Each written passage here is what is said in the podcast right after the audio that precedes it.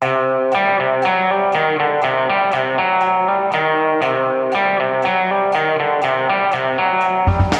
Samhandlingsreformen skaper nye tapere, og kringkastingssjefen gir Tore Sagen amnesti. Dette var det mest vellykkede satireinnslaget i institusjonens historie.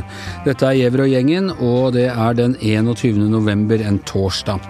Ja, munter stemning i studio her nå, ikke pga. Samhandlingsreformen, men eh, fordi jeg måtte ta denne introen tre eller fire ganger fordi jeg hele tiden sier Steinar Sagen, jeg skal si Tore Sagen og omvendt. Men sånn har det blitt. Uh, Uh, det har vært møte i Kringkastingsrådet i dag, og uh, der har altså kringkastingssjef uh, Tor Gjermund Eriksen sagt at dette famøse innslaget i Radioresepsjonen, hvor Sagen altså parodierte en rasist i satirisk øyemed.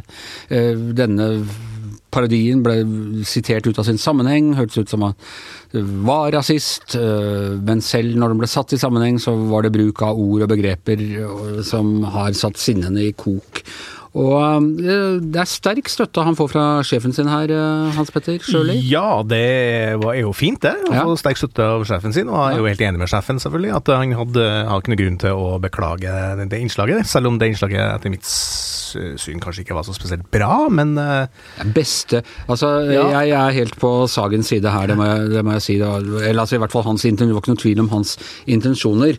Men det beste eller mest vellykkede satireinnslaget, ja. sånn bedre enn alt fra Supperådet til Skroken til Harald Eia, det vet jeg ikke om jeg Ja, og bedre enn sketsjen om kringkastingssjefen som får gjennom Med Jons Kolmen. Ja. ja. Uh, nei, altså, men det var jo Det var lett å gjøre seg litt morsom på hans bekostning her, han Tor Gjermund Eriksen, men det er jo den mener er vel at det her er en satire som fungerer i den forstand at det skaper debatt. da. Ja.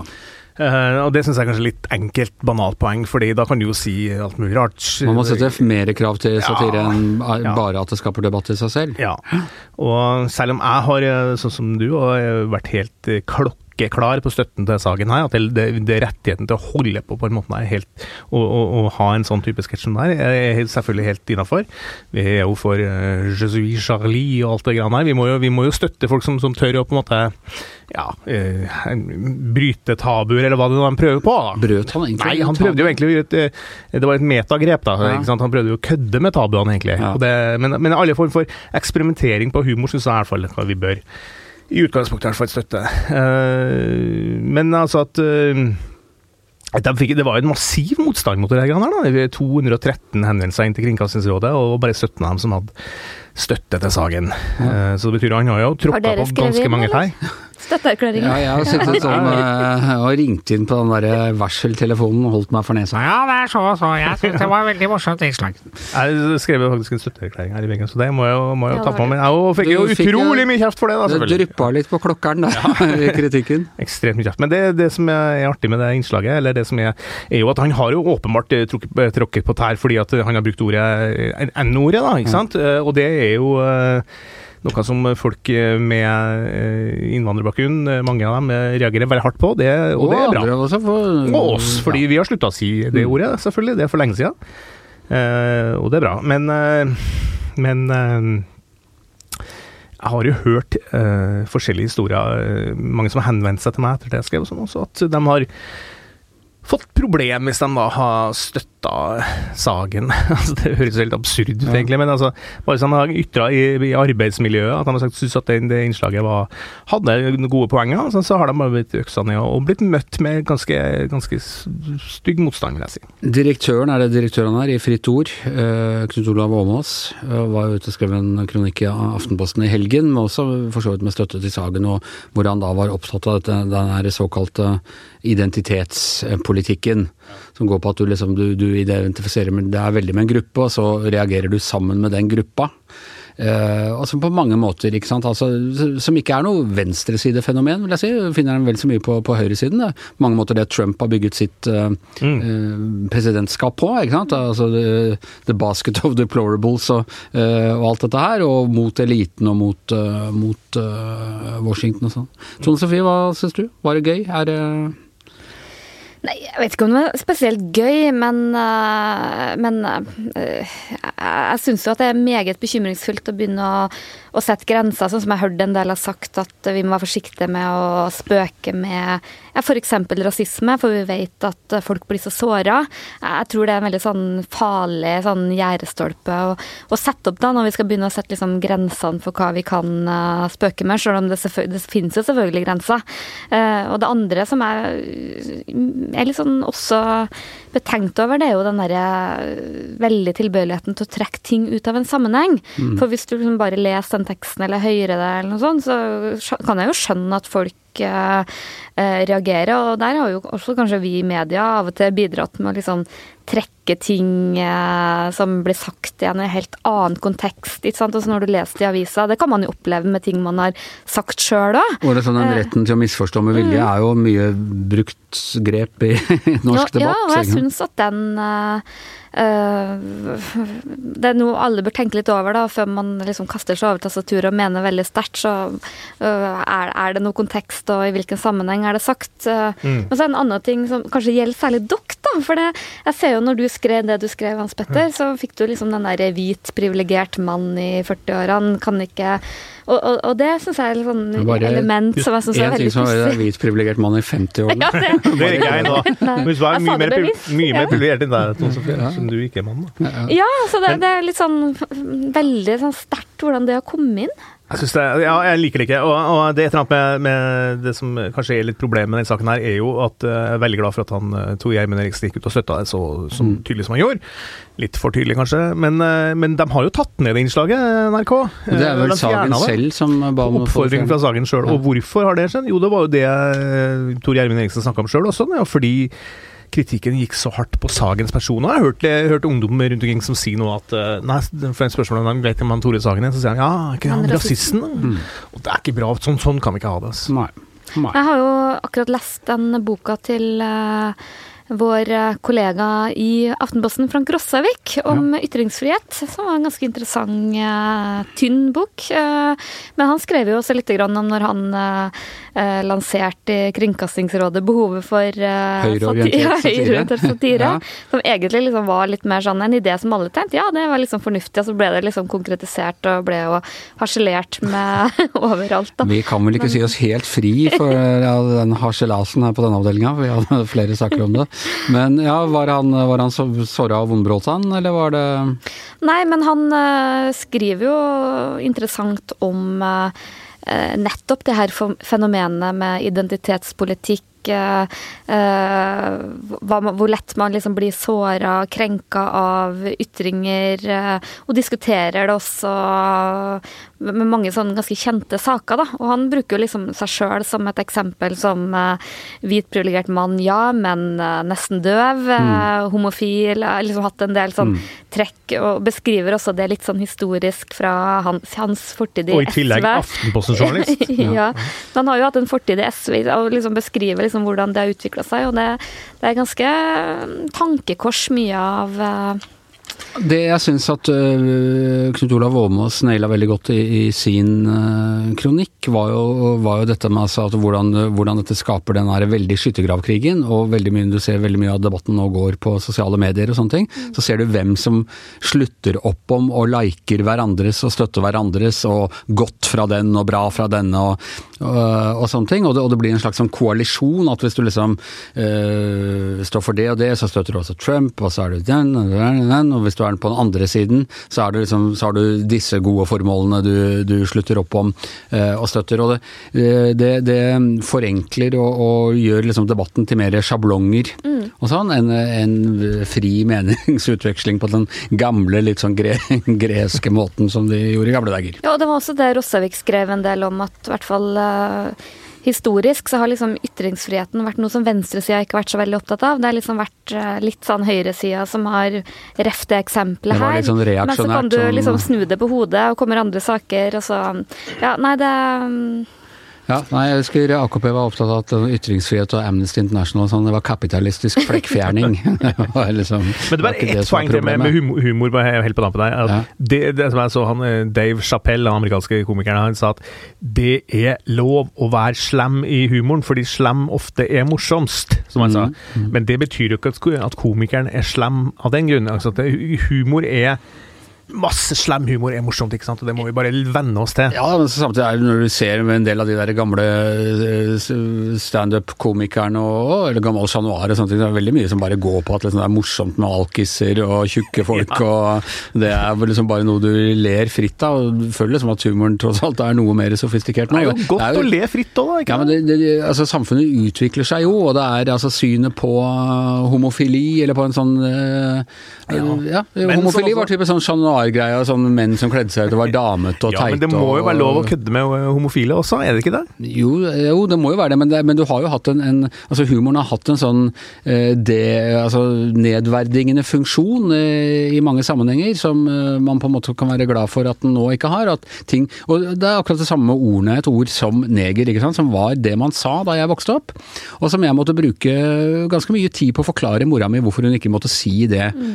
lenger. Fordi for henne var det, lå det ikke noe galt i det, Nei. men det forandra seg i løpet av hennes eh, levetid. Ikke? Men jeg tror nok at dagens unge har eh, mindre sånn forståelse for sånn ironi og sånn enn kanskje vi hadde. For vi er jo veldig sånn oppflaska med Lille Lørdag og den ganske sånn tøffe, ironiske tonen der. Ja, ta ikke den eh, ironiske tonen der. Som, ja, ja, men jeg tror mye av det er de ja, gamle sketsjene som vi syntes var veldig morsomme, da. Nå drar jeg oss inn i samme generasjon her. Mm. Jeg tror jeg mange i dag ville ha opplevd så mye mer stund. Veldig hyggelig å bli dratt inn i din generasjon. Eh, X-generasjonen, eller hva det heter for noe. Ja, men jeg merker liksom at ungdommer er mye mer sånn kan ikke spøke med så mye og mer opptatt av det der hva som er sårende og innafor å si og sånn. Så det er åpenbart at det er, det er også et generasjonsspørsmål, da. For, for meg er det Jeg blir liksom helt sånn hoderysta til at noen reagerer på det, ikke skjønner at det er humor. Samhandlingsreformen, ja. er den for alvorlig til å spøke med? ja. Ja, ok. Da skal vi over på et litt alvorlig tema, nemlig Samhandlingsreformen. Uh, som altså uh, Dette har du gleda deg til lenge, Anders. Dette har jeg. Ja, altså dette er jo en kjempesatsing i VG i dag. En avsløring som som uh, Shazia Maid og Anne Stine Sæther og Eirik Mosveen har jobba med veldig lenge. Sykehusene vil skrive ut sykepasienter, kommunene klarer ikke å ta dem imot. Det har gitt bøter i milliardklassen. Hva er det som har skjedd her, eh, Tone Sofie? Nei, I 2012 så bestemte jo politikerne at vi må bruke ressursene i helsevesenet bedre. Vi må få en bedre pasientflyt, da, som det heter, mellom sykehus og kommuner. For før var det virkelig sånn at folk lå på sykehuset nesten til evig tid. Veldig dyr Det ble litt sykehjemsplass? Ja, og veldig dyrt for samfunnet. Så da ble det liksom innført en sånn type bøter, som man kaller det. At hvis kommunene ikke tar imot de pasientene som er ferdigbehandla, så må de betale for det. Og da så vi i begynnelsen at kommunene tok seg kraftig på tak, tok imot. Men så har det her sklidd eh, voldsomt ut. Eh, eh, det såkalte bøtenivået har, som VG sine journalister har avdekt, har skutt voldsomt i været. Og så er jo spørsmålet da, er det sånn at sykehusene har blitt for grådig, opptatt av å spare penger, at de kaster ut syke pasienter, eller er det kommunene som ikke gjør jobben sin? Det er jo selvfølgelig sånn at det er dessverre ikke så veldig lett svar på det. Men, men det vi ser, er at pasientene som skrives ut i dag, er uh, mye sykere enn de har vært. Og også i kommunene så er det altfor dårlig kapasitet. Og en hypotese på det er at eldrebølgen, som vi har snakka så mye om, virkelig har slått mye mer inn i norsk helsevesen enn vi kanskje har vært forberedt på. Men er det sånn at de da bare kynisk har regna på det og sagt at ok, vi har råd til å, det er bedre å betale de bøtene? Er litt som liksom sånn istedenfor å få med parkeringsplass, så har jeg råd til å betale parkeringsbøtene? Liksom, eller er dette da en, en akselererende liksom, gjeldsbombe for norske kommuner? Ja, eh, liksom At de betaler for det og bruker penger på det, tror jeg kanskje ikke er det verste her, men det, det viser at det er en veldig ubalanse i, eh, i, helsevesenet. At noen kommuner ikke har gjort jobben godt nok og prioritert uh, eldreomsorg, som ikke akkurat er prestisjefaget innenfor medisin, tror jeg åpenbart. Men jeg tror rett og slett mange ikke har kapasitet. Og en sånn helt reell utfordring i, i, i helsevesenet er at uh, den tida vi går inn i nå, vinteren, er veldig høysesong for uh, særlig for syke eldre. Fordi mm. de får influensa, de brekker bein, og eldre folk har ofte mye sykdommer. og og, og, og ikke kan er... de ta trygda til Spania heller, for Nei. hvordan det går. Nei, og, og, det er et reelt problem. For store perioder så er det altfor stor belastning både på sykehus og og sykehjem. Før hadde man i det minste korridorer hvor man kunne stable folk. Eh, men jeg tror nok at det Men nå er det fullt i korridorene? eller er det ikke lov til å stable Man har jo slutta med det. Ja. Eh, I veldig stor grad bygger jo korridorløse sykehus, og veldig sånn, vært ny sånn nulltoleranse for det. da. Eh, men jeg tror at det viser en, en ganske ubalanse i helsevesenet, at man rett og slett ikke er rigga godt nok for den veksten i særlig disse syke eldre. da.